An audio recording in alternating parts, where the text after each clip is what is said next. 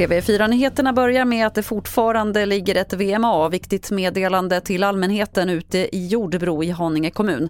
Det brinner på en återvinningscentral och rökutvecklingen är så kraftig att alla i området bör gå inomhus och stänga fönster och ventilation. Branden är under kontroll och det finns ingen risk att den sprider sig. Det är fortfarande mycket som är oklart om striderna i ryska Belgorod och vilka det var som gick till attack. Kreml beskriver dem som ukrainska sabotörer men Ukraina nekar till att vara inblandade. Jonas Källgren som är i Dnipro i Ukraina berättar om det senaste.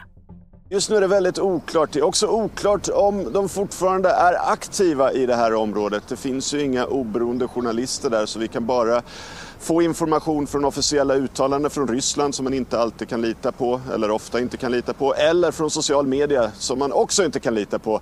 Eh, de här grupperna säger att de fortsätter strida där men det är oklart var och hur och, och exakt vad som pågår. Netflix fortsätter försöken med att stoppa användare från att dela konto med personer som inte bor i samma hushåll. I dagarna kommer man skicka ett meddelande till svenska användare om att man ska föra över profiler som inte tillhör hushållet till ett annat abonnemang. Hur de sen ska hålla koll på att reglerna följs är oklart. Fler nyheter hittar du på tv4.se. Jag heter Lotta Wall.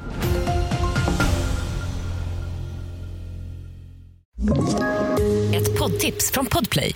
I podden Något Kaiko garanterar östgötarna Brutti och jag, Davva, dig en stor dos skratt.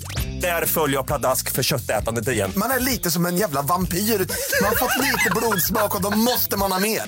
Udda spaningar, fängslande anekdoter och en och annan arg rant.